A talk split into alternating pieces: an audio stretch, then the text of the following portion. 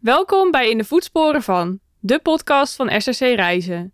In deze podcast nemen de reisleiders van SRC u mee op bijzondere reizen uit het verre en minder verre verleden. Luister mee en maak vanuit huis of onderweg kennis met beroemde reizigers en hun onvergetelijke tochten. Reisleiders Sven neemt u in deze aflevering mee in het reisverhaal van Afanasi Nikitin. Deze naam zegt u misschien niet zoveel, maar zijn verhaal is in Rusland erg beroemd. Nikitin wordt zelfs de Marco Polo van Rusland genoemd. Hij was een Russische handelsreiziger die in de middeleeuwen naar India reisde. Hij maakte zijn fortuin in India en kwam als een rijk man terug in Rusland. Hallo, mijn naam is Sven. Ik ben reisleider namens SSC op reizen door Rusland en Iran. En vandaag wil ik u graag vertellen over een opmerkelijk boek uit de Russische literatuur. Een reis over drie zeeën van Afanasy Nikitin. Dit boek, geschreven in de 15e eeuw, was het, is het eerste levendige verslag van een man die een avontuurlijke reis onderneemt naar India. Het is ook het eerste boek dat geschreven werd in het Oud-Russisch en niet in het Oud-Kerk-Slavisch, de formele taal van die tijd. Afanasy Nikitin opende voor Rusland de contacten met India en wordt daarom ook wel de Marco Polo genoemd van Rusland. Wat weten we van Afanasy Nikitin? Eigenlijk niet heel veel. We weten dat hij geboren is en gewoond heeft in de stad Tver, aan de Wolga gelegen en een belangrijke handelsstad was.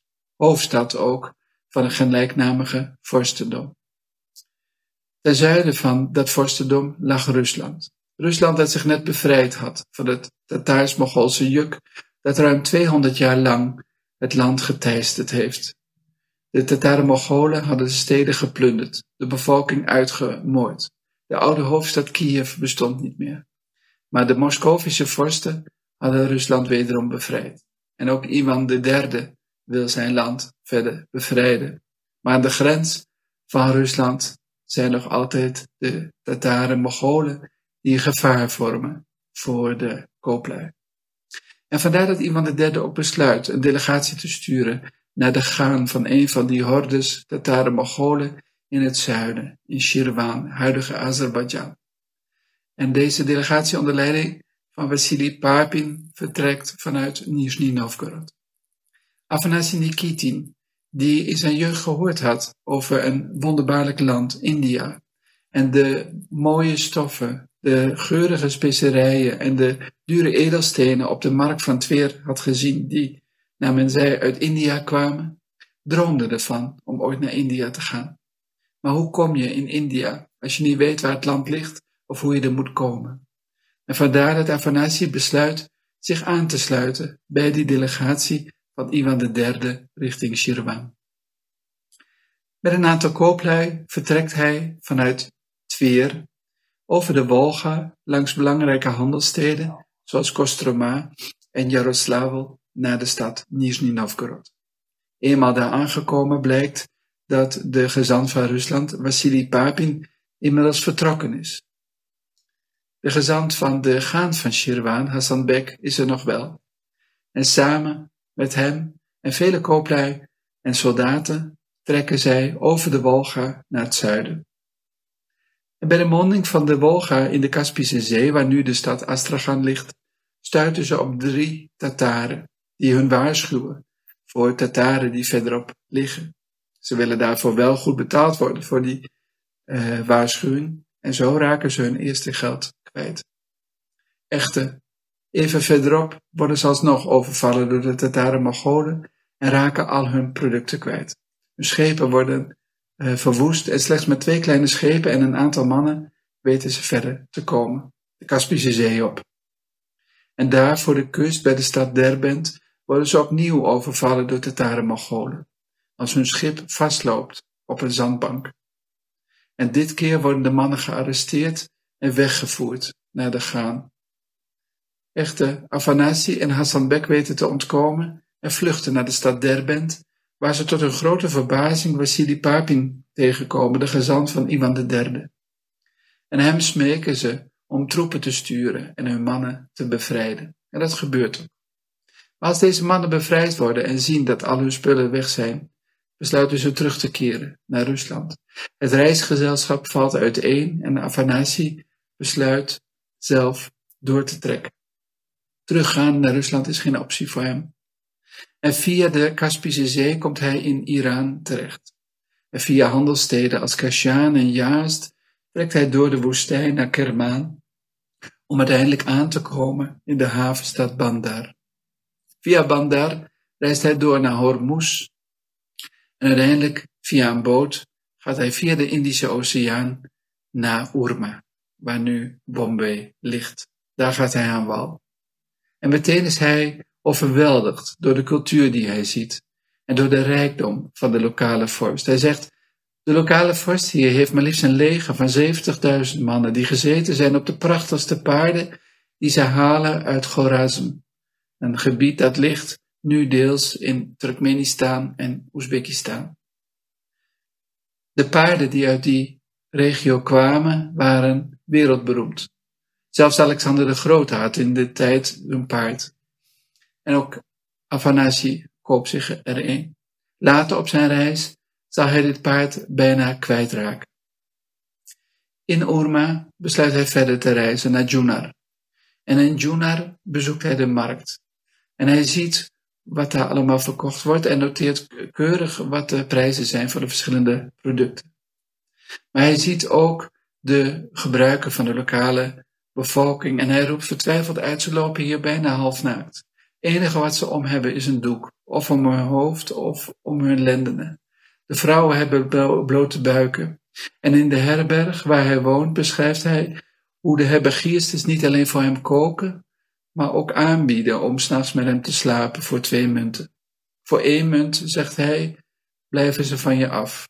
Of je moet tijdelijk met hun trouwen. Wat Afanasi gedaan heeft, weten we niet. Dat laat hij in het midden. Maar hij beschrijft wel dat de Indiase vrouwen erg van witte mannen houden. Dus met een beetje fantasie kun je je voorstellen wat daar gebeurde. Vanuit uh, Junar wil hij doorrijden naar de Bidar, de volgende stad. Maar op de dag dat hij wil vertrekken, wordt hij gearresteerd. Vanwege het feit dat hij geen moslim is. Het Brahmani, uh, of Bahmani sultanaat uh, van uh, Mohammed III, waar hij is beland, wordt geleid door moslims vanuit Oezbekistan. En omdat hij christen is, dreigt hij alles te verliezen. Hij komt in de gevangenis en men zegt hem dat hij alleen zijn leven en zijn paard terug zou kunnen krijgen als hij de islam aanneemt. Maar dit weigert hij. Hij overreed de gevangenisdirecteur om hem vrij te laten en hem zijn paard terug te geven. En dit lukt.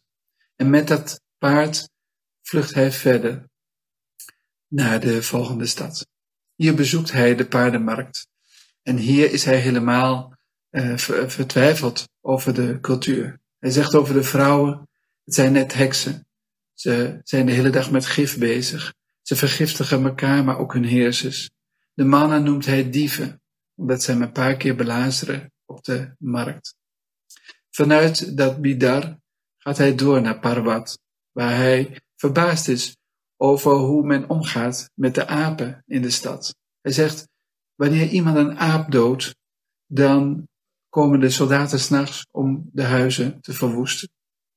Waarschijnlijk doelde hij op de apen die behoorden bij het lokale heiligdom voor de apengod Hanuman. Want ook dat bezoekt hij. En hij beschrijft hoe de godheid iedere dag gewassen wordt en gekleed wordt in prachtige doeken en versierd wordt met allerlei bloemen. Vanuit Parwat gaat hij terug naar Bidar, waar hij nog vier maanden zal blijven. Geloof is erg belangrijk voor uh, Afanasi. Uh, maar aangezien hij zijn boeken kwijt is en niet meer precies weet wanneer het Pasen is en wanneer hij moet vasten, besluit hij om samen met de moslims te vasten. En als zij het suikerfeest vieren, viert hij zijn Pasen. En zo roept hij in Bidar uit, dit is al de vierde Pasen die ik nu buiten Rusland doorbreng. En vandaar dat hij besluit om terug te gaan naar Rusland. Hij heeft heimwee gekregen en hij roept uit, India is veel te duur voor mij. Het zal nog ruim een jaar duren voordat hij India kan verlaten. Uiteindelijk komt hij bij de kust en neemt een boot met Ethiopische zeevarenden, die hem naar Ethiopië brengen en van daaruit naar Mascate op het Arabisch Schiereiland. En via het Arabisch Schiereiland uh, trekt hij door terug naar Iran, waar hij de belangrijke handelsstad Isfahan, misschien wel de mooiste stad van het Perzische Rijk, bezoekt, met de prachtige bazaars en de mooie moskeeën. Ook hier blijft hij enige tijd voordat hij doorgaat naar Trabzon aan de Zwarte Zeekust. Hier wordt hij voor een laatste keer beroofd, dit keer door de douane. Maar hij weet toch op een schip te komen die hem over de Zwarte Zee brengt naar de Krim. En via de Krim en de rivier de Dnieper komt hij uiteindelijk terecht in uh, Smolensk. En daar sterft hij in het jaar 1474. Zijn collega kooplui nemen zijn aantekeningen mee en publiceren die in Tver. Zijn boek is enorm populair en leidt ertoe dat velen ook naar India willen. En zo krijgt Rusland haar sterke en warme banden met India, die tot op de dag van vandaag doorgaan. Afanasy Nikitin is wereldberoemd geworden. Voor hem staat een standbeeld in de stad Tver. En ook heeft hij een eigen biermerk gekregen. Maar het mooiste dat Afanasy ons nagelaten heeft, is misschien wel zijn boek. Een reis over de drie zeeën. Slechts 4000 woorden lang, maar heel indrukwekkend geschreven. Maar misschien heb u ook zelf zin gekregen om mee te gaan op een reis door Rusland. Om samen de avonturen van Afanasy te herbeleven. Door Rusland of door Iran of misschien wel helemaal naar India. Ik hoop u snel te zien op een van onze reizen. En dank u wel voor uw aandacht.